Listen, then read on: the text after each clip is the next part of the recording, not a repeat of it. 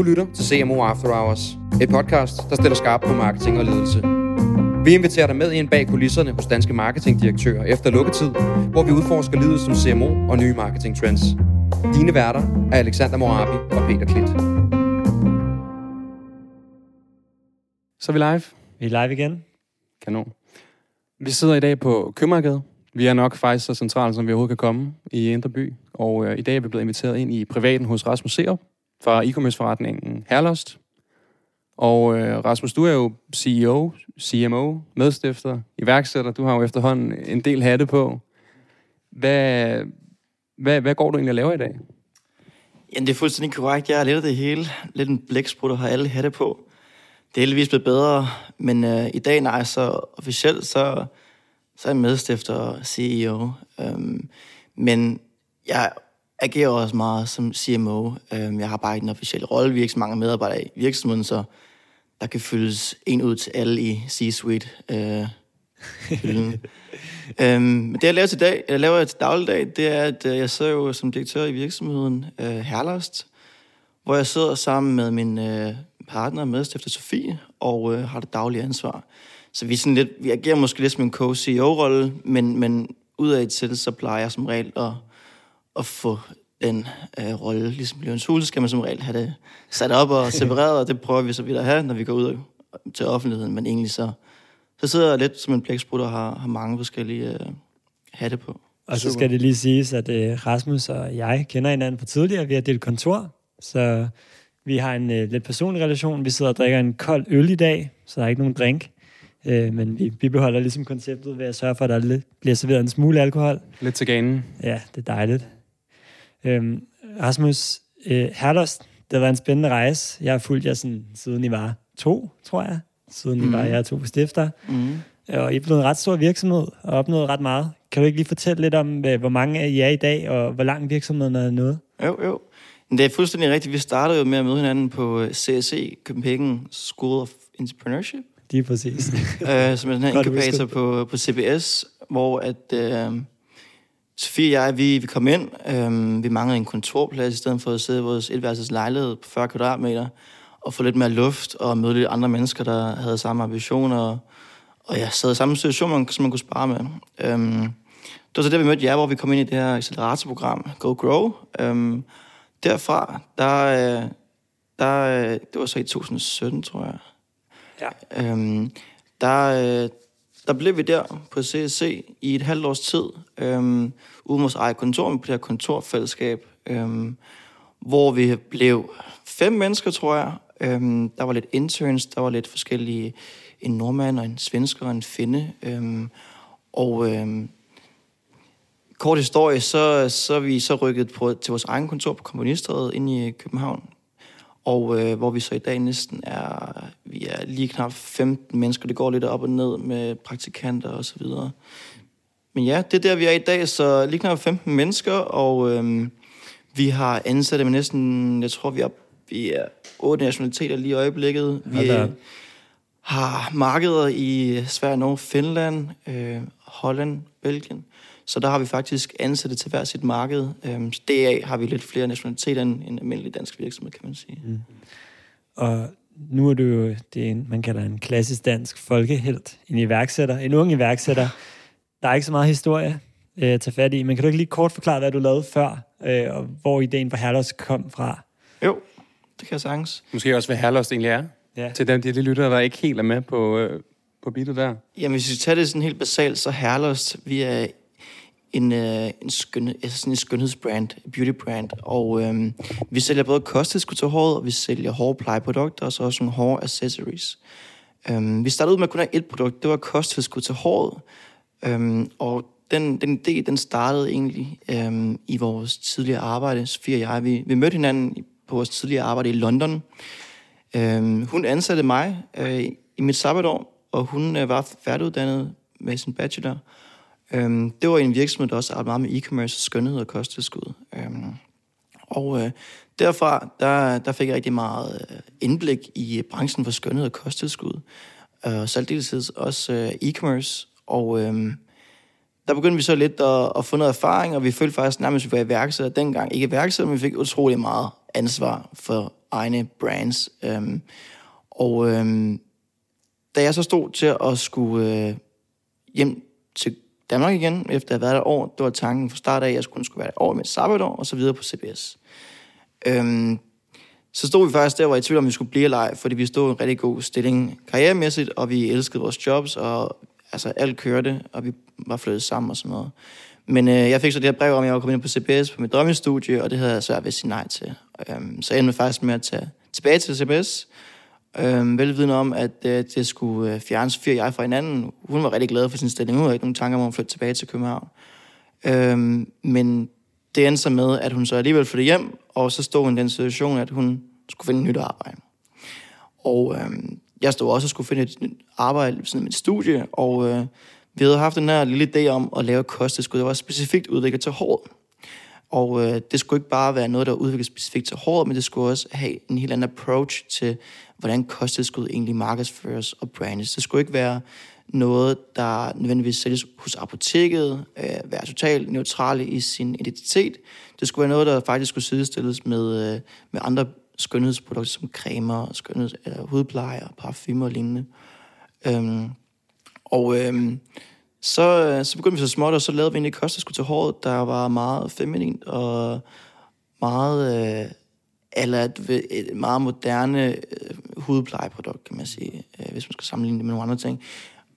Øhm, ja, og så ligesom der, der har vi udviklet flere produkter og fået meget mere til sortimentet. Øhm, og nu er vi blevet sådan en all-around haircare brand, der, der prøver at være det her direct-to-consumer, der bare tager hele kunderejsen, købsrejsen, øh, alt for kundeservice, tætte relationer til kunden, og vi prøver at rigtig meget content på hjemmesiden. Og, så vi ikke ligesom overgiver den her øh, proces til vores forhandlere, øh, både med prissætning og markedsføring osv. Øhm, så vi prøver at være et, et brand, der har en tæt relation med sine kunder. Øhm, ja. Så det handler om at disrupte det lidt og gøre det anderledes. Ja. Jeg synes, der, det der er ret sjovt ved jeres historie, det er det der med at være iværksætter. Det er ofte noget, folk drømmer om i lang tid, og så er, er de måske et job og har en karriere, og så lige pludselig springer de ud i det. Men I er bare taget hjem, og så er jeg stået uden job, og så har jeg tænkt, nu laver vi bare det her. Ja. Og det har så udviklet sig ret voldsomt på, på tre års tid. Det var ikke særlig gennemtænkt. Der var ikke en nedskrevet forretningsplan eller noget, selvom ja, det var vi ja, ligesom indoktrineret med i hoved og røv. Men øh, sådan var det altså ikke. Det var før CBS. Det, måske, det, var... det, det har måske været en god ting, så... Ja. Ja, køre lidt mere på noget godt feeling. Det plejer at være en god idé, hvis man mm. tror nok på det, man laver, og hvis man stoler på, at produktet er godt. Ja, det, Cool. det kan vi jo kun genkende til. Og hvordan var det i forhold til CBS? Altså det her med at køre en forretning, eller starte en forretning, samtidig med, at man ligesom skal jonglere noget skole også, og, øh, og lidt privatliv ved siden af. Hvordan har det været? Du blev færdig med dit studie sidste år, er det korrekt? Sidste år, ja. 2019 sommeren. Jamen, det var egentlig en meget oplagt timing. Jeg synes, at øh, det, var, det var perfekt timing, fordi jeg havde en SU ved siden af, hvor jeg kunne øh, tjene ind til huslejen. Og, øh, og så kunne jeg... Så havde jeg ikke så mange forpligtelser. Altså, jeg, det, jeg havde allerede en hverdag, hvor jeg også altså, kunne lave noget andet, så jeg behøvede ikke dedikere al min tid til det her projekt, den her virksomhed. Og jeg havde en god opsparing for mit arbejde i London, Øhm, så det hele føltes egentlig sådan en perfekt timing. Øhm, men sådan i forhold til at, at studere samtidig med, at det udvikler sig så, så naturligvis, og øh, det blev meget, meget hårdt. Øh, det, altså et, et studie på CBS, det er jo altså fuldtid. Øhm, det behøver ikke nødvendigvis at være, det tror jeg ikke. Jeg har, jeg har aldrig nogensinde brugt de der 37 timer om ugen på, på min studie, men, men, men det, det tager noget tid, også det sociale ved. Øh, så det var, det var hårdt, at det udviklede sig også på sit sidste år på min bachelor til at ja, jeg slet ikke var på skolen, eller jeg deltog ikke noget socialt, for det arbejdet, det ligesom overtog. Jeg tror, både Peter og jeg kan anbefale det med at starte en virksomhed, når man studerer. Kan du også det? Synes du, det er en god ting at gøre? Er det det rigtige tidspunkt? Jeg synes, det, for mig har det været rigtig fedt. Det har været rigtig godt. Øhm, Jeg, jeg tror også, jo, jeg kan godt anbefale det til andre, men man skal bare sætte sig for, at der er nogle ting, man, man går glip af, og man skal være klar til at opgive nogle ting. Øh, Man skal være klar til at opgive det her med at, at mødes på daglig basis med sine studiekammerater eller venner. Der er ikke ligesom... øh, Du skal være lidt mere, gå lidt mere ensom vej, fordi i starten så har du ikke et helt stort team nødvendigvis på din, øh, dit startup. Og øh, du, du, du får ikke lige så gode karakterer, som du normalt ville have fået, og det skal du også bare face. Altså, det, du kommer ikke til at klare den er så godt på studiet, Og det skal du ikke sætte næsen op for. Du skal være klar til at opgive nogle byture og sådan noget, selvom du kan følge dig udenfor. Men, men det er jo samtidig, man kan sige, oplagt i og med, at du har det sikkerhedsnet, du har i SU'en. Så man har jo en, en, en, hvad kan man sige, en, en landingsbane, en løbetid og løbebane på, at man ligesom kan bygge noget op, ikke? Jo. Og man kan forsøge at prøve nogle forskellige ting af, uden rigtig at brænde nallerne for alvor i hvert fald. Ja. Jamen, det er rigtigt. Det er ja. rigtigt. Det er sgu cool. Det er altid fedt at høre øh, om iværksættere, der starter noget, mens de studerer. Øhm, fordi at der er rigtig mange, som starter på et studie, og så går de enten fuldtid bare på det, og ligesom kommer med i karakterræset og har fokus på bare for gode karakterer. Så er der dem, som kører en job ved siden af, øh, og prøver sådan lidt at balancere det, og måske gøre det godt på begge fronter, der ligger i, i midten på begge to. Og så er der dem, der bare går all in på en karriere, når de er meget unge, og la- Mm. får en lang og succesfuld karriere, og så starter deres eget. Øh, jeg synes personligt, det har været rigtig fedt. Både Peter og jeg jo også studerende jo. Mm. At både den første virksomhed, jeg startede, men nu også med Nordic Social, at gøre det, mens man har været studerende, det er virkelig bare... Man, man har haft den her sikkerhed, og det synes jeg helt klart har været den største fordel ved det. Mm. Det gør også bare, at man er så meget klogere, når man så kommer ud på den anden side af uddannelsen. Ja. Rasmus, inden vi fortsætter. Jeg har jo bemærket, at du har en accent. Selvom den er ved at være godt skjult efter, efter tre år på CBS. Hvor, hvor er du oprindeligt fra? Jeg synes, jeg har fået meget sådan neutral øh, Okay. accent, men øh, jeg ved ikke, jeg har lidt mistet min accent, fordi ja, jeg har gået på CBS, og så møder man med alle mulige forskellige mennesker, ikke kun fra København, men jeg har gået meget internationale studie, øh, og øh, jamen, jeg skal ikke løbe fra den. Jeg kommer fra Fyn, altså det, det, det er jeg stolt af. Mm. Jeg er født i Odense, så den er, den er hørt herfra. Kanon. Men jeg snakker faktisk sjældent. Altså, jeg, jeg tror, jeg har mistet lidt min accent, så får jeg lidt fra min, øh, fra min kæreste, altså hun er fra Jylland. Øhm, så jeg bliver trukket lidt alle veje, kan man sige. Jeg snakker meget engelsk på arbejdet, og der har jeg sådan lidt en, en, altså en helt anden accent, når jeg snakker engelsk mm. nærmest. Og jeg er ikke sammen med andre fynbo til daglig, daglig, i dagligdagen. Rasmus, øh, du beskrev dig selv som en blæksprutte. Er du øh, specialist, eller er du generalist? Øhm, jeg er en blæksprutte, generalist. Okay. Det er jo et spørgsmål, vi ofte bruger. Det er jo meget sjovt at få folk til ligesom at sætte sig selv i den bås. Mm. Ja. Og det er ofte generalister, vi møder jo. Ja, Det er det. helt klart. Ej, altså jeg vil... Førhen, så vil jeg måske... Jeg, jeg har aldrig nogensinde været en specialist. Altså, jeg har altid interesseret mig for... Der har aldrig været sådan en kanal, hvis man skal kigge på sådan e-commerce, som jeg arbejder meget med, så har der aldrig været en marketingkanal, jeg har fokuseret sådan meget på, eller specialiseret mig i. Øhm, der har jeg prøvet at holde mig meget bred, øhm, og aldrig nogensinde fokusere på en, for som en, en altså sådan virksomhedsejer, så, det er jo, altså, så skal man sjældent kun gå én vej, gå én kanal. Bedre at diversify og gå efter flere. På den måde, så har jeg jo ligesom været nødsaget til at tilegne mig og, og, og prøve mange forskellige ting på én gang. Ja, altså jeg kan huske, da vi sad og delte kontor, der sad du i Facebook Business Manager og lavede annoncer hele dagen, og så også arbejdet på jeres SEO og det ene og det andet. Der havde du også mange hatte på. Men i dag har du forhåbentlig folk til at gøre meget af det, men det betyder, at man skal kende kanalerne, og man ligesom skal have den her viden for at kunne lede de her folk ordentligt. Hvordan ser din dag ud i dag? Altså det har jo ændret sig meget. Nu når jeg er 15 personer, øh, det var 15, ikke sandt? Jo, lige knap. Ja, cirka. Hvordan ser din dag så ud? Altså hvad laver du, når du kommer ind på kontoret? Jamen altså, jeg sidder overhovedet ikke og bruger nær så meget tid i Business Manager eller Google Ads. Det er godt at eller- høre. det, det gør jeg ikke. Jeg, øhm, jeg bruger stadigvæk tid der. Øhm, Men det er for sjov. Det er for hyggens skyld. det, er- det er med at få kigge på vores metrics og se, hvordan det går.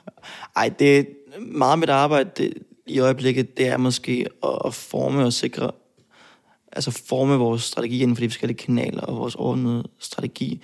Være sikker på, at vi fokuserer de rigtige steder, at, at, at, min, øh, at mit team, de ligesom øh, arbejder på de rigtige ting, at de gør det, de gør det rigtige, og de har de rigtige ressourcer til at gøre det. Øhm, at de får den rigtige sparring, og hvis de ikke gør det, hvordan vi så får den, og hvordan vi kan hjælpe hinanden på tværs af teams. Vi arbejder meget sådan separat, fordi vi har vores forskellige markeder, så vi har, lad os sige, nordmand til det norske marked, en svensker til det svenske marked osv. Øhm, og øhm, det er meget vigtigt, at de ligesom lærer af hinanden, at de sparer med hinanden, og de, ligesom de læringer, de får ud fra de forskellige kampagner, de bruger hinanden. Og det skal ikke af sig selv, det skal ligesom, øh, hvad kan man sige, faciliteres, og øh, det går meget, mit arbejde rigtig meget på, ud på, øh, og, og sikre sig, at de ting, vi lærer, de bliver delt ud på hele teamet, så vi konstant udvikler os, så vi ikke holder dem separate. Og hvordan gør man det? Altså det her med alignment, det, skal, det taler vi tit om i det her podcast, men det her med at, at sørge for, at som du selv siger, at alle ligesom er på rette spor, og alle ligesom arbejder hen imod det samme. hvad kan man sige, overordnede mål. Mm. Hvordan gør du det i praksis? Fordi det er jo noget, der skal indlæres i organisationen. Det er ikke noget, der bare er fra dags dato. Selvom du laver et godt hire, så er det ikke sikkert, at de er med på den vogn. Så hvordan sikrer du dig det sådan løbende?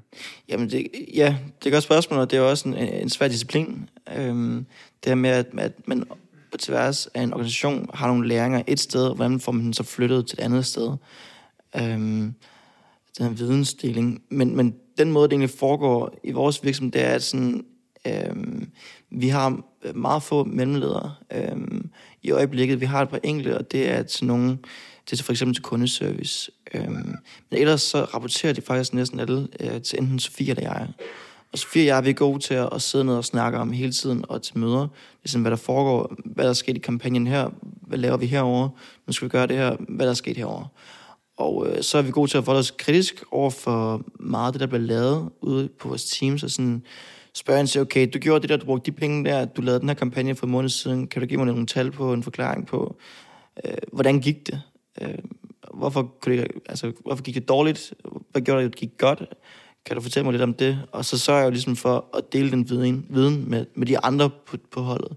Så det er sådan meget løbende, øhm, hvor at, det, det handler meget om at på daglig basis at snakke med, med medarbejderne, og øh, så tage det ind, og så skrive det ned i, i mine noter, og så samle tingene, og så få det distribueret. Mm. Ja. Det er en super god pointe. Og nu sagde du også, Rasmus, at I, eller Peter, det var faktisk Peter, der nævnte først, at det er en e-commerce forretning. Så meget af det, I sælger, det er B2C, og når man sælger rigtig meget B2C frem for B2B, så er ens marketing ens salg. Skal du ikke fortælle lidt om, hvordan jeres marketingstrategi er sådan strikket sammen i dag? Altså, hvilke kanaler har I fokus på? Øh, hvilke har virket for jer tidligere? Og hvilket ser du vil være de store for jer i fremtiden? Ja, jamen altså, vi, øh, vi bruger rigtig mange forskellige kanaler, men der er selvfølgelig nogle, vi fokuserer mere på end andre. Vi, øh, vi benytter os rigtig meget af influencer marketing, og øh, influencer marketing er det, der har drevet vores forretning. Det var, det var det første, vi brugte for at komme i gang.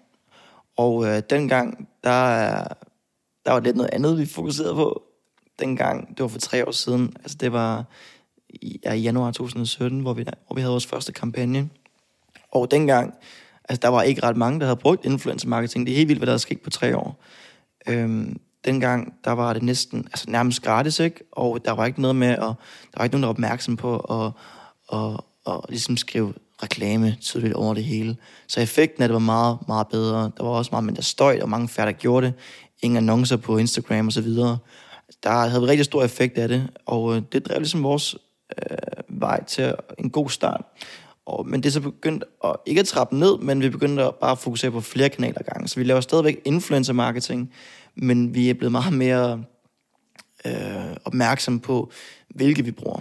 Dengang, der brugte vi... Øh, Ikke nævne nogen navne her, vi skal passe på. Vi ved ikke, hvem der lytter med.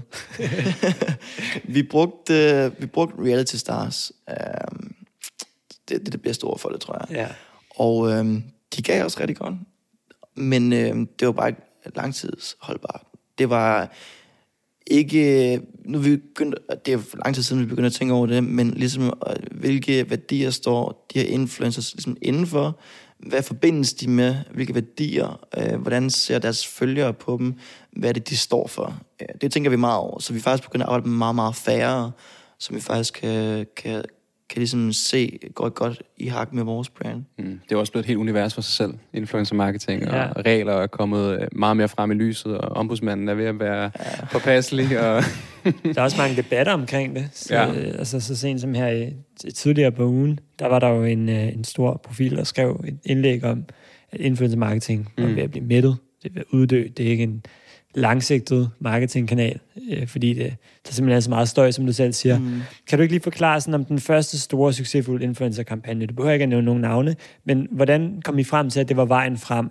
Øh, helt sådan fra kontaktpersonen til sådan, måske også nogle tal på, hvad kostede det, hvad fik I ud af det, altså hvad var jeres afkast på det og sådan nogle ting. Jo. Den første store kampagne, jeg husker, jeg husker den tydeligt, det var det, der ligesom gjorde, at okay, nu, nu skal vi have ansat nogen. Det var faktisk samme måned, hvor vi ansatte vores første medarbejder, den første øh, samme tidspunkt, hvor vi outsourcede vores lager til nu, altså et 3PL, hvor vi ikke havde det in-house længere. Vi skal lige sige 3PL, det er Third Party Logistics Company. Yep. Så det er dem, der håndterer lager og forsendelse til alle dem, der ikke er e-commerce tech-nørder. Godt, Alexander. Tak. Eller CBS-nørder. Yes. tak, Rasmus. øhm, men øh, det gjorde vi så heldigvis et par dage inden den der kampagne, så der skulle vi ikke stå. Fordi der, den første kampagne der, der altså jeg, jeg kan ikke huske, om det var, altså det var lidt over 2.000 ordre, vi fik på, på under et døgn. Øhm, og dengang, altså det kostede jo ret meget, altså de vidste ikke, hvad de kunne tage for det. Øhm, der var ikke et stort marked for efterspørgsel efter dem. Øhm, men, men det her, det var så også en af Danmarks altså, største profiler inden for altså influencer, kan man sige. Mm. Øhm, og øh, vi har jo så valgt at, at ligesom holde os til meget få nu her, især i Danmark, øh, til få store profiler. Øhm, for også at være lojal over for vores øh, kunder, øh, men også for vores ambassadører, kan man sige. Så vi ikke bare er nogen, der hopper videre til den næste hest, men øh, faktisk dem, der er glade for vores produkter, og dem, der faktisk øh, markedsfører det på en måde, hvor man kan se og høre, at det, det mener de faktisk, og de bruger selv produkterne. Det betyder så meget, fordi altså, dagens Danmark, der, der er man meget skeptisk omkring influencer marketing. Man bliver bare hakket ned, hvis man laver den mindste fodfejl, og øh, så kan det give en meget negativ effekt. Så det her med, at man har fundet de rigtige matches med influencers, det betyder rigtig meget, for det er svært at finde. Mm. Det er ved at blive et ømt emne, ikke? Jo. Jeg ser næsten dagligt LinkedIn-opslag med, med det ene og det andet og det tredje. Ja. Hvad, er, det, er det noget, I har et bureau tilkoblet, eller faciliterer I selv hele, alt lige fra at scope de rigtige profiler ud, og, og kontakte og, og facilitere alt imellem kampagnerne, eller? Det er, er alt sammen in-house, ja. Okay. Er det dig, der sidder med det, eller er I folk på det nu? Det har vi... Øh, det er faktisk... Det, der, der er nogle markeder, hvor vi faktisk har outsourcet det sådan delvist. Øh, men men, men øh, jeg står ikke selv sådan for, for outreach og finde profiler. Øh, men jeg kan ikke af... Altså, jeg, jeg kommer ofte med, med forslag. Mm. Fordi at jeg bruger altså Instagram 90% på, til arbejde. Øhm, og øh, jeg følger rigtig mange på min private profil for at holde, mig, ligesom, for at holde øje med, hvad der sker.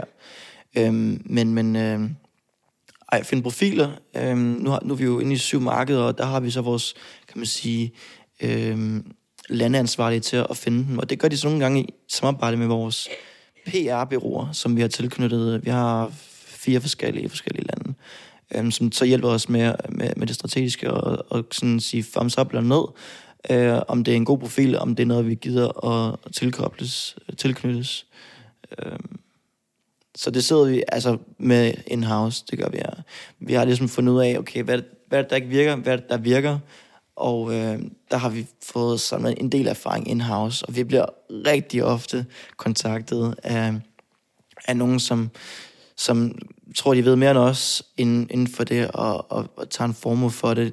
Øhm, men det er faktisk noget, hvor enten skulle jeg starte Herlos, eller skulle jeg starte et bureau, der måske arbejder med influencer marketing. Jeg selv.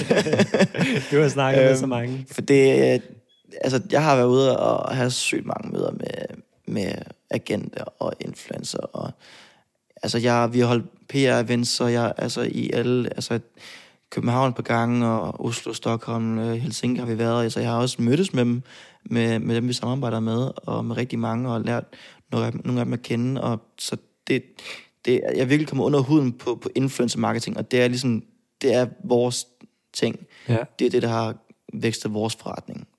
Det er sjovt. Ser du en fremtid i det også? Ja. Fordi vi har jo ligesom både været i stand til at, at, at kunne lave de her cost-benefit-analyser, se hvad det egentlig kostet, og helt ned til bundlinjen i forhold til alle de her linjer og sådan noget, og se, hvad det, er det, der har givet profit, hvem det, der ikke har gjort det. Og til dem, der sidder med det her til dagligt og rent faktisk arbejder med marketing, e-commerce osv., så, videre, så bare lige så vi er helt med på, hvordan I attribuerer det. Det er bare via rabatkoder. Så alle influencers får en rabatkode, eller får de nogle, altså link i bio med nogle UTM-koder i linket, eller hvordan er det, I attribuerer de her salg? Ja, altså det, det er akkurat på den måde der. Okay. Altså hovedsageligt øh, rabatkoder. Øhm, og øhm, hvis det er via Instagram Stories for eksempel, så gør vi UTM-tracking af. Okay. Hvis der ikke er, det gør vi også, når der er rabatkoder. Hvis der ikke er rabatkoder, så gør vi det også. Og så sker der også det nogle gange, der kommer salg igennem. Mm. Ja. Øhm, heldigvis. Men øh, på Instagram post i sig selv, så, øh, så, øh, så handler det om ligesom at lægge en note til, okay, hvornår blev det her postet, og så lægge mærke til, kommer der noget øget trafik, og så kan man se, om det kommer fra Instagram eller ej. Så kan man ikke se, hvilken profil det præcis kommer fra, men der har vi været gode til ligesom at, at allokere vores aktiviteter, så det ikke kommer samme dag vores influencer, fordi det har nemmere okay. ved at attribuere det. Ja. Ja, Øh, og så er der jo også nemt ved, ved blogartikler. Øh, klart. den klart. giver sig selv. Og nu, nu når vi taler om det her med, med influencer marketing, synes jeg, det er ret interessant måske at dykke ned i nogle af de do's and don'ts, der er. Fordi selvom det er blevet meget mere normalt nu i dag, eller og måske mm. endda lidt mættet, som nogen vil, vil sige på LinkedIn, så er der måske stadig nogen, der ikke helt ved, hvordan man, man skal bære sig ad med det. Ja. Så måske du kunne sætte nogle ord på nogle do's and don'ts, altså nogle, nogle tips og tricks fra en, en gavet influencer marketeer som dig selv. Hvis dem, der siger det med det, de ved ikke nok. De ved ikke, hvordan man gør det. De, øh, så er det ikke forhandlet priser. Øhm, ej, jeg vil, jeg vil sige, altså nu, vi, vi er blevet ret gode til at lave outreach, og især når vi går ind på nye markeder, så laver vi nogle ret voldsomme øh, øh, Excel-ark, hvor vi ligesom bruger rigtig meget tid på øh, at indhente priser, indhente statistikker, indhente, altså, og så, tager har vi et ark, og så har vi fundet 100 profiler, vi gerne vil arbejde med. Og så begynder vi så at forhandle med alle sammen, og det her, det kan godt tage noget tid. Øhm, men så til sidst, så, så har vi måske fundet 5-10 stykker i et nyt marked, hvor vi virkelig har kunne forhandle altså, en rigtig god pris, og, og, nogen, og det er oftest fordi, de rigtig gerne vil vores produkt, så det, altså, det er en god matches, både sådan deres værdier, profiler mm. og sådan noget, de rigtig gerne vil det her samarbejde. Øhm, Og hvordan, hvordan screener I dem? Fordi nu, nu, jeg ved ikke, om det var det, du mente med statistikker, men det her med at lige få noget data fra dem, for ligesom at se, hvad der reelt gemmer sig bag facaden, der jo i princippet kan være en super flot Instagram-profil, men man ved jo aldrig. Nej, men på trods af, at Instagram er blevet bedre til ligesom at, at sortere falske følgere med mere Ja. fra. Jamen, altså, det, der er mange parametre. Øhm, den første det er selvfølgelig, hvor mange følgere har det. Classic. Classic. det, det er et godt udgangspunkt, fordi vi gider ikke bruge øh, to øh, dage på at snakke og forhandle med en, der har 3.000 følgere. De skal ikke have nogen penge for det. De skal have nogle produkter, hvis de, hvis de er gode. Øhm, men øh, så selvfølgelig, antal følgere, det er et godt udgangspunkt. Nummer to, vi kigger på, hvor følgerne er fra.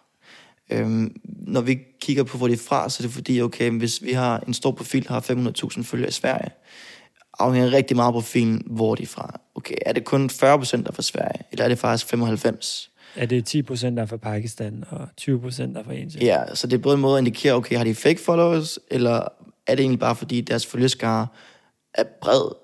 Er det fordi, at de er kendt for et eller andet, der har gjort den kendt øh, throughout Europe? Altså, eller er det i USA, de er? Eller, fordi vi er, ikke, vi er ikke interesseret i at betale for, for følgere i, i USA, hvor vi ikke er til stede.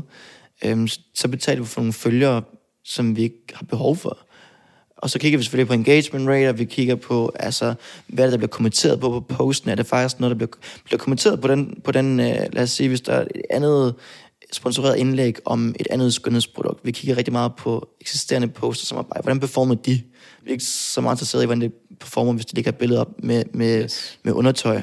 Præcis, og en, vigt, en vigtig pointe der, det er jo engagement rate, altså hvor mange af deres følgere er rent faktisk aktive og engageret omkring profilen. Ja. En ting er at have en masse følgere, og den anden ting er, hvis man ikke kan finde ud af at aktivere dem ordentligt. Præcis, men det er også, det er også den, der manipulerer. Altså, og, øh, men, men så vi går meget og kigger, altså vi går ind og kigger, hvis vi skal lave nogle samarbejde, så går vi ind og kigger på 10 sponsorerede indeks, som de har lavet før. Så går ind og kigger på dem, og er næsten ligeglade med alt andet. Altså det, det okay. er vi interesseret i, det, det, det er vores produkt. Interessant. Og så kigger vi på, hvilke kommentarer er der på det billede. Fordi ofte så ser vi, så kommenterer folk bare emojis. Lige kommenterer, øh, øh, hvordan går det med kæresten, eller et eller andet random. Ja. Der er intet at gøre med billedet, hvad der er på billedet, er, hvad hun skriver om, eller han skriver om. Og det er vi interesseret i. Så vi var faktisk ind og kigger, at f- følgerne er interesseret i, hvad de går og laver, oprigtigt, hvad de skriver, lytter de på dem, kigger de kun på billedet, og læser de faktisk, tager sig tid til at læse det. Og det er meget vigtigt for Der er os. også mange af de her ghost comments, eller sådan engagement groups, Ja, hvor, hvor præcis. influencer ligesom hjælper hinanden på kryds og tværs, automatiserede beskeder og likes. Og, Præcis. Da så det er jo, ja. Da vi startede Nordic Social, var vi jo også et Instagram-bureau, så vi har en god indsigt i, hvad der, hvad der er sket øh, med Instagram, og der er rigtig mange måder, som du selv siger, man kan manipulere med det på. Øh, får I altid adgang til deres insights, altså deres data, når det er, I der skal samarbejde med dem, inden I går i gang?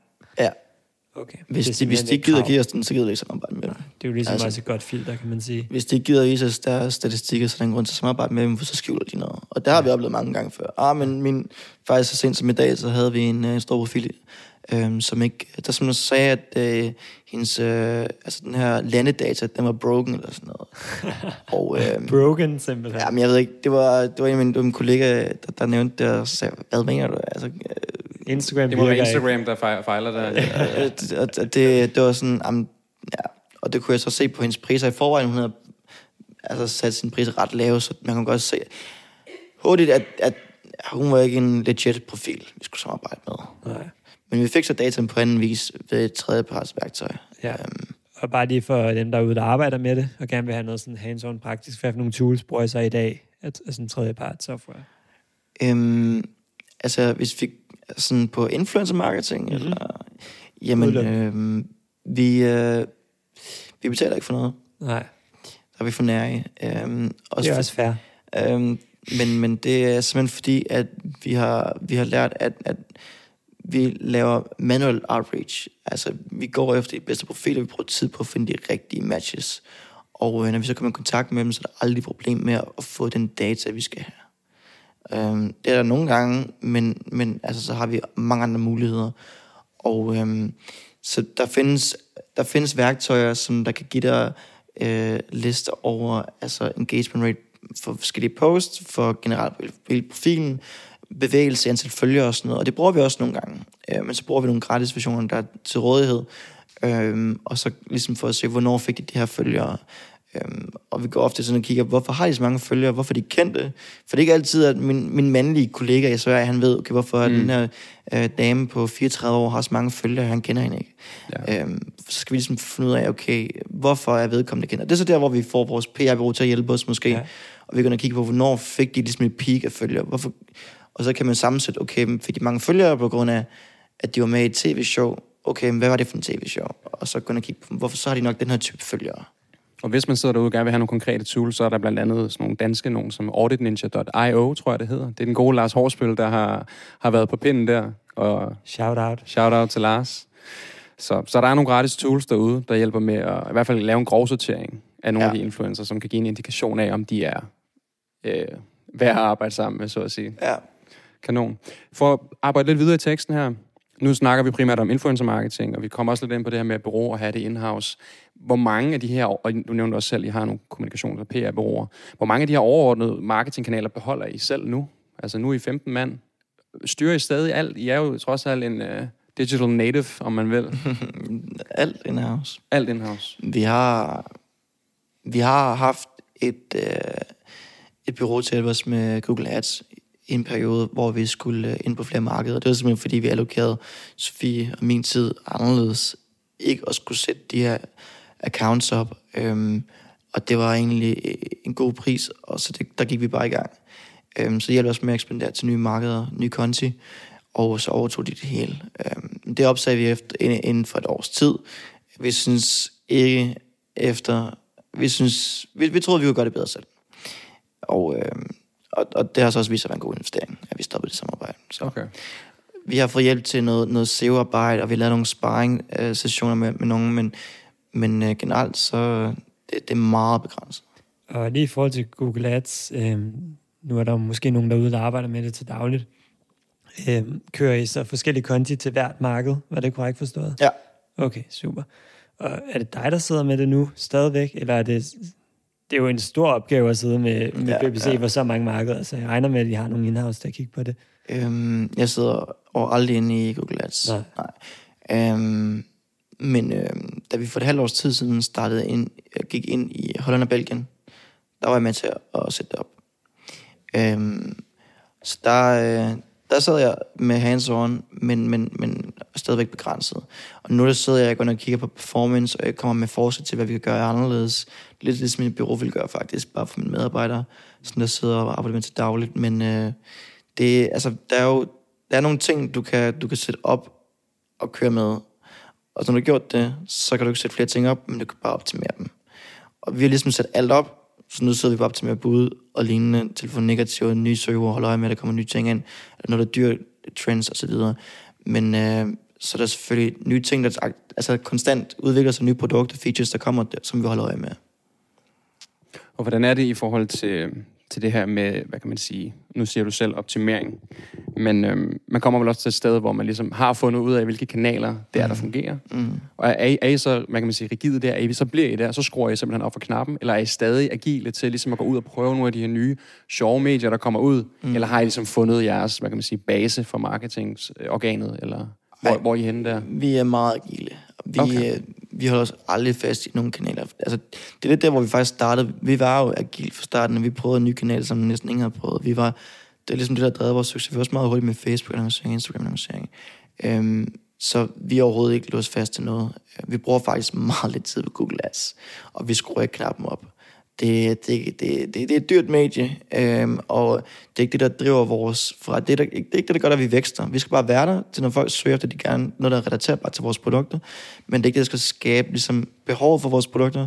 Det, der skal gøre øh, folk opmærksom på vores brand. Det er ikke så, Google Ads, det bygger ikke et brand nær så meget som, lad os sige, øh, altså mere top funnel øh, marketingkanaler.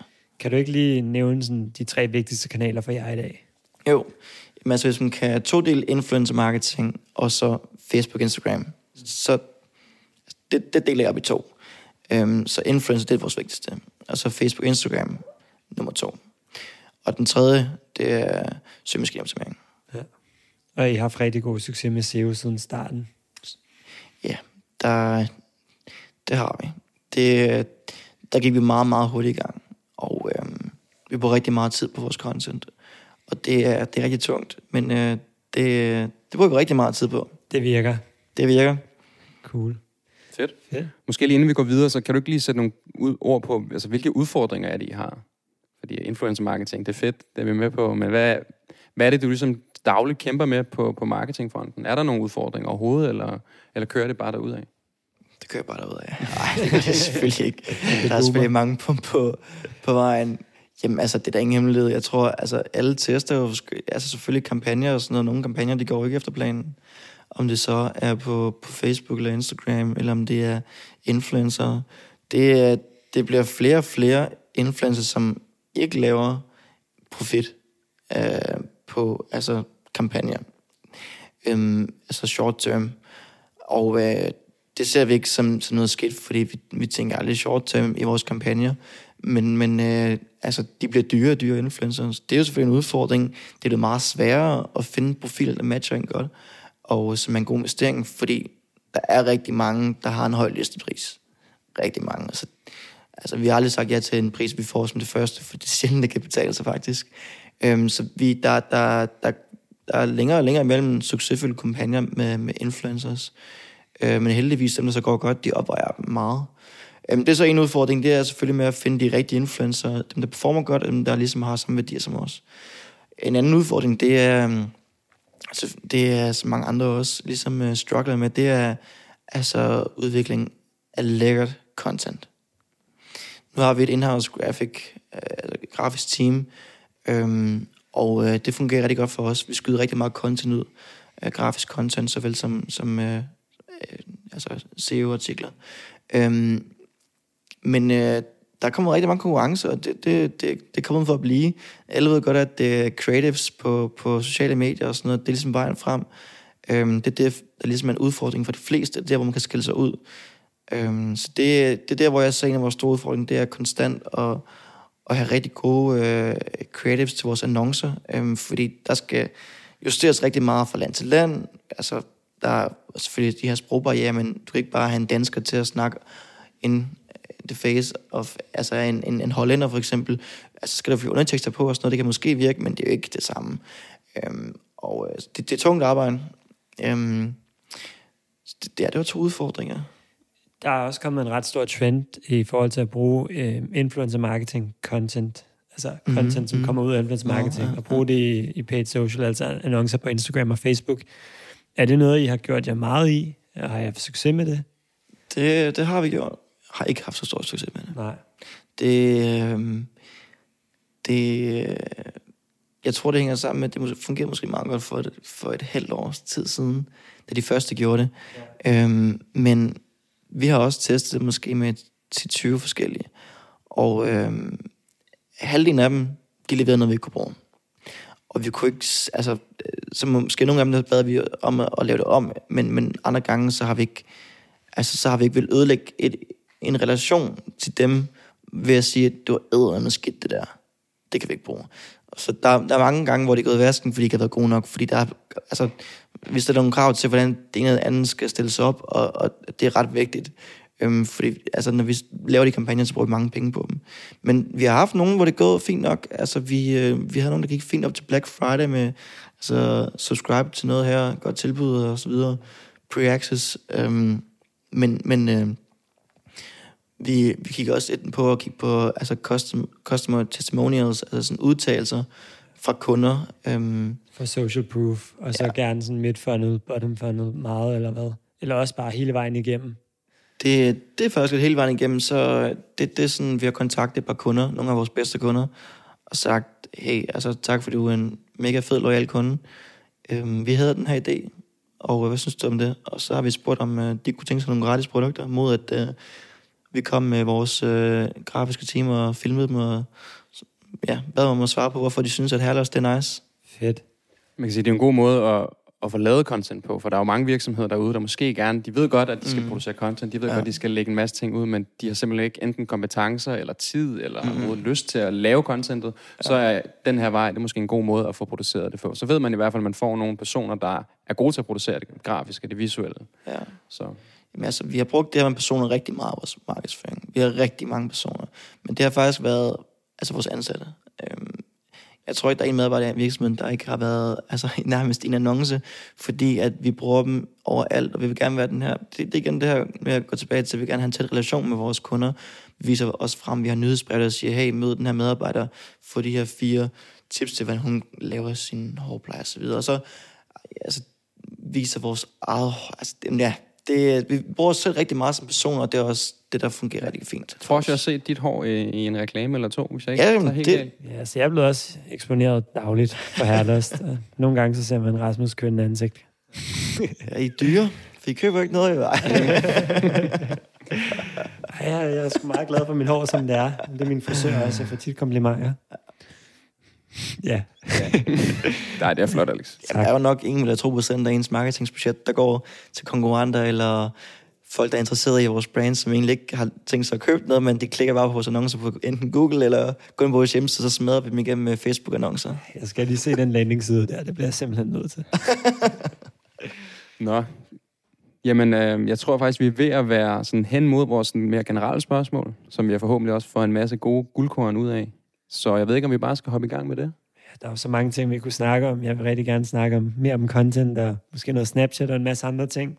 Mm. Men det må, må vi jo gennem til en anden god gang, så Må ikke, vi kan tage round 2 om et års tid. det håber jeg.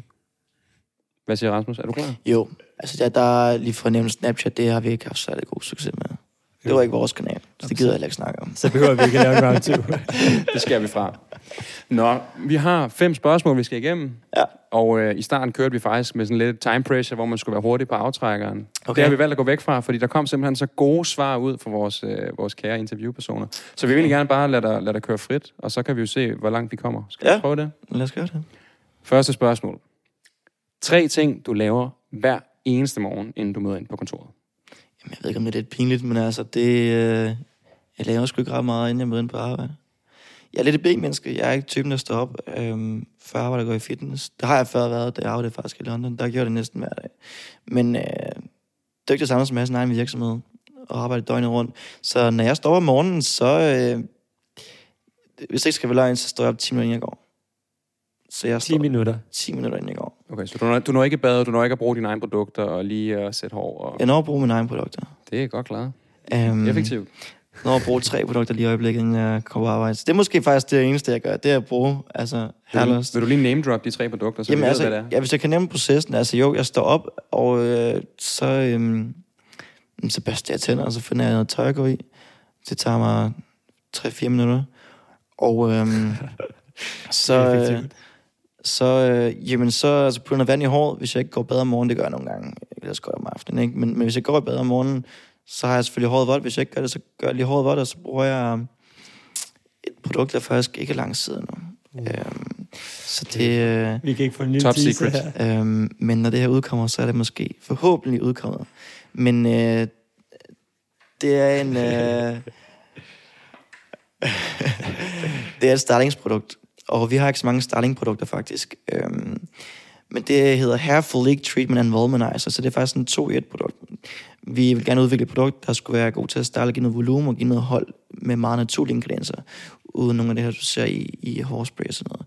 Men samtidig med det er faktisk også rigtig godt for den hovedbunden, du masserer det ind i hovedbunden. Det er lige dig, Alex, det der. Ja, det kan være, at jeg skulle køre det. Så det, det, det får din, din det, sådan, det, trykker genstart på, øh, på hovedbunden og sætter den virkelig i balance, øhm, gør den frisk, Og øhm, så starter det godt, og så putter jeg bagefter, så putter jeg også et produkt, der ikke er kommet ud på markedet nu.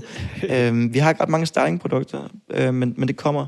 Men så tager jeg selvfølgelig min, øh, mine to kapsler, øh, mine to øh, vitaminer til håret øh, om morgenen, eller om aftenen nogle gange. Men øh, afhængig af, om jeg er for sent på den eller ej. Men altså, så spiser jeg morgenmad på arbejde, og så er jeg også bare i gang. Så det er... Fedt. Man kan også sige, at Rasmus har meget flot hår, så det virker. Jo, tak. Det er jo lidt et tabu, det her med at være B-menneske i iværksætterlivet. Jeg føler, at man skal stå tidligt op, og man skal gå sent i seng. Og... Hvornår... Jamen, det er ikke engang løgn. Altså, ja. Ja. Hvornår, det- hvornår møder du ind om morgenen? Jamen, jeg møder en klokken øh, 29. 29. Meget specifikt. Ja. Ja, men det sker måske kvarten i nogle gange, ikke? Men, men, men øh, altså hele teamet, de møder en klokken 9, 9 til 17. Øhm, og øh, jeg, jeg arbejder meget om aftenen. Øhm, og øh, jeg, jeg er typen, der bliver træt, når jeg kommer hjem fra arbejde klokken 7. Og så kan jeg måske godt lige, altså ikke snuse den lidt, men der, wow, der er jeg træt. Mm. Altså, jeg kan, jeg kan ikke leve aftensmad. Det, det er sjældent uh, frisk nok til. Men så får jeg energi igen kl. 11-12 stykker. Og så kan jeg finde på at gå tilbage i work mode. Og så, jeg går aldrig i seng før kl. 12. Så det hænder, at du lige tager en lille nap efter work. Det kan du godt finde på. Det sker, men det er meget sjældent faktisk. Okay. Det siger du jo. Nå, vi tager det næste. Tre yndlingsbøger eller podcasts omkring marketing og eller business. Og ja. det er selvfølgelig for uden uh, CMO After Hours, som du naturligvis er, Det er en selvfølge. stjernefan. Nå, men så har jeg ikke andet at sige. Nej, Godt, det mod, det godtager vi. Ej, jeg, øh, jeg læser ikke ret mange bøger. Øhm, det gør jeg egentlig ikke. Jeg, øh, her for nylig har jeg ikke læst nogen, øh, nogen bøger, jeg kan anbefale. Øhm, jeg lytter ret meget til podcast. Øhm, og øh, hvis jeg skal anbefale tre, jamen, øh, jeg lytter måske ikke til mere end tre, så det er også begrænset, hvor mange jeg vil anbefale. Men, men øh, det, jeg følger med i, det er Morten Ræsen, øh, Startup for eksempel. Øh, jeg har fulgt med i hans podcast, i, ikke lige siden starten, men jeg catcher op og, f- og har fulgt med lige i starten, når det går over til YouTube, øh, så der ser det der i stedet. Øh, men ellers så, så lytter jeg lidt altså til Marketing Brief, jeg lytter lidt selvfølgelig til jeres, og jeg og, øh, Shout out til Halvdan Team. og så, øh, Og Emil Christensen. Ja, også ham, ja. men øh, faktisk så kan jeg rigtig godt lide at koble af, når jeg tager podcast også. Øhm, og der lytter jeg til Mads Monopolet. Mm. Om søndagen som regel. Okay. Sådan. Den, øh, den er godtaget. Vi fortsætter med lynets hast. Tre egenskaber. Egenskaber. En god CMO har. Eller marketingmedarbejder måske. Ja. Åh, oh, jamen, øhm, altså agilitet, fordi at man skal virkelig være, være god til at, at skifte vej undervejs. Man skal være åben over for at ændre sin strategi, for der kommer nye marketingkanaler ind. Der kommer mange nye features ind på de forskellige kanaler hele tiden. Så man skal ligesom være åben for at ændre retning ofte. Og den retning, det er ikke oftest en, en, en retning, du selv opdager. Så nummer to, det vil være åbenhed i den forstand, man skal være åben over for sine medarbejdere og foreslå noget. Fordi at øh, hvad der rykker sig, det sidder jeg sjældent og har hands-on erfaring med. Og det er måske noget, de får øje på. Så der er det vigtigt at være åben over for det, der bliver sagt, og det, der bliver foreslået, og så teste ting. Så tredje ting, test, altså være villig til at teste alt i en rolle som CMO, fordi at, at der er, altså det er, man skal være villig til at, altså man skal ikke slå en idé ned med det samme, men man skal være villig til at teste. Så det hænger lidt sammen med åbenhed, men man alligevel test også i den forstand, at, at man bliver nødt til at, at teste en målgruppe på, på Facebook-annoncering, for eksempel øh, med rigtig mange forskellige slags annoncer. Man kan ikke bare slå den ned, øh, hvis man har brugt en annonce med et, en, en, altså sådan et budskab. Øhm, så agilitet, åbenhed, og så være villig til at teste. Ja, den hænger sgu lidt sammen, den sidste. Men Den er, den er købt herfra Den i er hvert fald. Hvad siger godkendt. Alex? Godkendt. Jeg kunne ikke være mere enig. Super. Så er der tre råd til den unge studerende, der mm. gerne vil arbejde med marketing. Hvor Ja. starter man henne? Hvad, hvad, hvad skal man måske arbejde hen imod? Altså, øhm, der er jo rigtig mange, der tager de der Google Success, Success Courses, eller hvad det hedder, Google, Success, Online. Online ja. Øh, det er jeg begyndt at se, at se væk fra, når jeg ansætter folk, fordi det, det der skulle næsten alle har gjort efterhånden, når de gerne vil ansættes inden for en marketingrolle.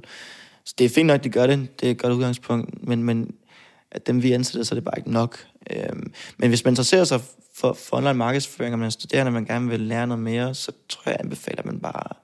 Det bedste vil være, hvis man laver sit eget, og ligesom får lov til at komme helt under huden med det hele. For hvis du kommer ind i en virksomhed, så er det ikke sikkert, at du er med til at sætte pixel op, du er med til at sætte en account op, og du ved, nogle af de her ting, der gør, at du får en forståelse for, ligesom, hvordan fungerer tingene, og så det, have den der generelle forståelse for tingene, det, det hjælper rigtig meget til, at du kan blive kanon dygtig til, til det. Så bare starte en virksomhed. Så.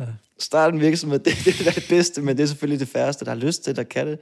Øhm, hvis man ikke gør det, så, øhm, så er der så meget, man kan læse derude, man kan gøre sig klog på.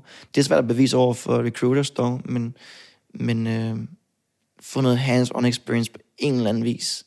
Om det så er frivilligt arbejde, eller hvad pokker det er, hvis man kan vise et eller andet, øh, man faktisk har lavet noget specifikt øh, til en ansættelsesproces, så tror jeg, det er fedt. Så det er godt, det er godt. Og er der nogle bestemte evner eller egenskaber, man ligesom skal kunne øh, skulle jonglere eller øh, ligesom bestride for at kunne blive en god øh, marketeer? Er det, man skal være kreativ? Skal man være en Excel-hej? Skal man kunne noget helt tredje måske? En god marketeer? Ja, jamen altså, man skal i hvert fald være... Øhm, hvad hedder det? Man skal være... Man skal, være, man skal ikke være, man skal være god til at bruge en computer, og øh, det, det, det, det er sgu ikke selvsagt. Altså, Nej, det, det er det, det det er ikke selvsagt. Jeg har haft øh, øh, nogle ansættelser, som, øh, som bare, når jeg, når jeg står og skal og vise dem noget, så, øh, og, og vise dem, hvordan ting fungerer, så, øh, så kan de bare ikke finde ud af, altså, øh, at vide, hvor fanden de skal trykke henne, altså. Det er lidt svært, hvis ikke man kan bruge et tastatur, eller ikke kan finde ud af det, det, det, copy-paste. det er ikke så lavpraktisk, jeg tænker på, men, men, men det er sådan, det der med at faktisk, at, jo, jo, måske at kunne genveje og sådan noget. Ja, ja. Altså, Altså- nogle ting, der gør det mere effektivt at arbejde. Og sådan. Ja, altså det, det er et godt sted at starte, at man, man ligesom, øh, man er nysgerrig. Nysgerrig, det er virkelig altså, en, en, en god øh, personlig øh, øh, attribute at have. Man skal være nysgerrig for, hvordan, hvordan fungerer tingene, og man skal være nysgerrig på, øh, hvilke ting ændrer sig. Øh, hvilke ting sker der på markedet. Man skal være villig til at læse op på tingene. Man skal være villig til at lytte til andre. Øhm, du opdager ikke, altså, hvordan tingene fungerer optimalt på egen vis. Det kræver store studier ofte, så det, det, det, det sidder du ikke og får gjort selv. Jeg vil sige, det er så fedt det her, fordi nu har vi fået tre guldkorn her. Start en virksomhed, lær at bruge et tastatur og være nysgerrig. og det værste er, at det er så rigtigt. Mm. Det er tre ting, der giver utrolig meget. Meget enig. Og det hele leder tilbage til hands-on experience. Om det er, at du tager til London og, og hjælper brands, eller brand manager, eller om du starter dit eget, eller du kommer under en anden virksomhed. Men ja. det er det der med at sidde med det aktivt, ikke? En ting er at læse, den anden ting er at leve det. Ja. Det skal også lige, lige en tilføjelse, at man behøver ikke starte en virksomhed med succes, men bare det, man har prøvet Mm. og givet det et forsøg, det lærer man sindssygt meget af. Ja. Jamen, det, man har taget til tid til at starte et CVR-nummer, det, man har taget tid til at lave en bankkonto, tage de her meget selvstændige beslutninger og tage det ansvar her, det, er bare, det gør også noget helt andet, at man ligesom har, har, har gjort det der med, at der er ikke nogen, der har fortalt dig, hvordan du skal gøre det. Du, du, du gør det selv. Du finder selv ud af det. Den her nysgerrighed, den er virkelig vigtig. Mm. Så tager vi det sidste. Og det er tre ting, du kigger efter, når du ansætter. Er det, at man skal kunne håndtere et keyboard, som Alexander sagde, eller hvad, hvad er det, du kigger på, når du, når du skal ud og ansætte nye folk? Lad os, lad os tage det lidt mere sådan på et personligt niveau, sådan, hvordan mennesker er. Ja. Altså, øh, kigger meget på, kigger meget i øjnene, når, når altså, altså for det første, så kigger man selvfølgelig, om de skal ind til samtale eller ej. Og der kigger jeg selvfølgelig på, hvordan de ligesom sat deres CV op, hvad de ligger vægt på. Allerede der kan man lære noget om personerne, og se, okay, ligger de vægt på, om de har, øhm, har alle de her 10 forskellige skills, og hvordan de er, om de er advanced, eller om de er basic, eller har de skrevet, at de er pissegode til den værktøj, der er slet ikke er relevant for det her, den her position. Altså, er de gode til, I don't know, Photoshop, og de skal have en eller anden finansiel rolle, ikke? Altså, det duer bare ikke. Det, det er ikke det, de skal lægge væk på, det skal være skræddersyet for stillingen. Så det ligger meget vægt på, sådan, at de ligesom gerne vil jobbet, og det kan man både se for deres ansøgning, men også deres CV, når de har lagt den op. Når de så kommer ind til interview, så kigger jeg meget på altså sådan ilden i øjnene, meget, hvor, hvor, hvor, hvor meget vil de egentlig gerne have det her job. Øhm, jeg gider ikke have en, der kommer for at være et halvt år, og så skal vi investere i vedkommende. Jeg vil gerne have en, der brænder for, for den her stilling, og kan sætte sig ind i vores virksomhed. Øhm, synes, det er en fed virksomhed oprigtigt, og det er meget nemt at, at mærke og se på en person, om man mener, når man siger det, om man så overhovedet siger det eller ej, det er noget helt andet. Men, men faktisk det her med, om, om personen, meget vil personen det her arbejde, det er super vigtigt for mig, fordi jeg gider ikke have en, der, jeg gider ikke sparke en ind på arbejde hver dag. Jeg vil have en, der nyder det. En, der, der elsker at komme på arbejde hver dag. Så øh, det er noget, sådan personligt jeg kigger meget på. Det er sådan, det er ilden i øjnene, hvor meget de vil det her job præcist. Fedt. Jeg ved ikke, om det var tre, men øh, den er i Nå, hvert det var fald... tre stykker, jeg skulle komme med? Ja, hvis du, hvis du har flere. Jamen, Du øh, kunne sikkert give os 100. jamen øh, altså, øh, det... Øh, åh, jamen, er det tilbage til personlige sådan... Øh, Nu kan man sige, at den første, det var meget personlighed, ikke? Ja. Så vidt jeg kan høre, ikke? Altså, og den er jo uomtvisteligt enormt vigtig. Hvis vi lægger den til side, lad os sige, du har matchet nu, ikke? Mm. Personlighedsmæssigt, der, der, der, der er der et match. Hvad kigger du ellers på? Jamen altså, nu nævnte jeg det her med at gå i spil med virksomheden, og hvor meget de gerne vil jobbet og sådan noget. Hvis man kigger på en anden ting, så er det godt, vil de falde i spil med teamet. Øhm, Jeg har haft nogle rigtig gode kandidater, øh, der, der har ansøgt til vores stillinger, som, øh, som øh, er 40 plus år. De har måske, siger de, 10 års erfaring med den ene eller den anden ting. Og hvor jeg så tænker, vi har en gennemsnitsalder på kontoret på 25, tror jeg. Meget ung team, og der, der kigger jeg oftest på, altså, vil det være godt fedt, vil vedkommende nyde at komme på arbejde? Øhm, fordi det, det, er også vigtigt, så altså, hvor godt de går, ind, går i hak med vores team, det er meget vigtigt. Så de det sociale, altså hvordan man passer ind i et team, både sådan professionelt, men særligt også det sociale. Ja, til sociale en ting, en anden ting, det er, at hvem de skal samarbejde med, kan vedkommende arbejde sammen med en, der, der er, ja, er 15 år yngre, og det er bare de to, men også den her der person, der er 15 år yngre, ikke har noget erfaring, men har fået det hos os. Øhm, og det måske, altså det, det er meget vigtigt, at de kan samarbejde. Hørt. En tredje ting, altså det, øh, det, Jeg vil sige, du må, har jeg, faktisk... det må jeg til gode.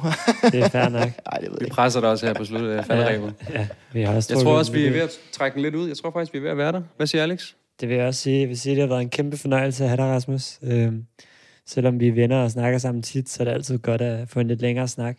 Øhm, Det er en fornøjelse at være her. Mm. dejligt. Nu vil jeg gerne gå hjem. Nej. Det gør vi også. Det kan være, at vi bliver hængende lidt her. Åbne en øl mere. Alex, vil du åbne ballet? Øh, det vil jeg gerne. Jamen, så er der ikke så meget at sige andet end øh, hej så længe. Hej så længe. Og hej så længe.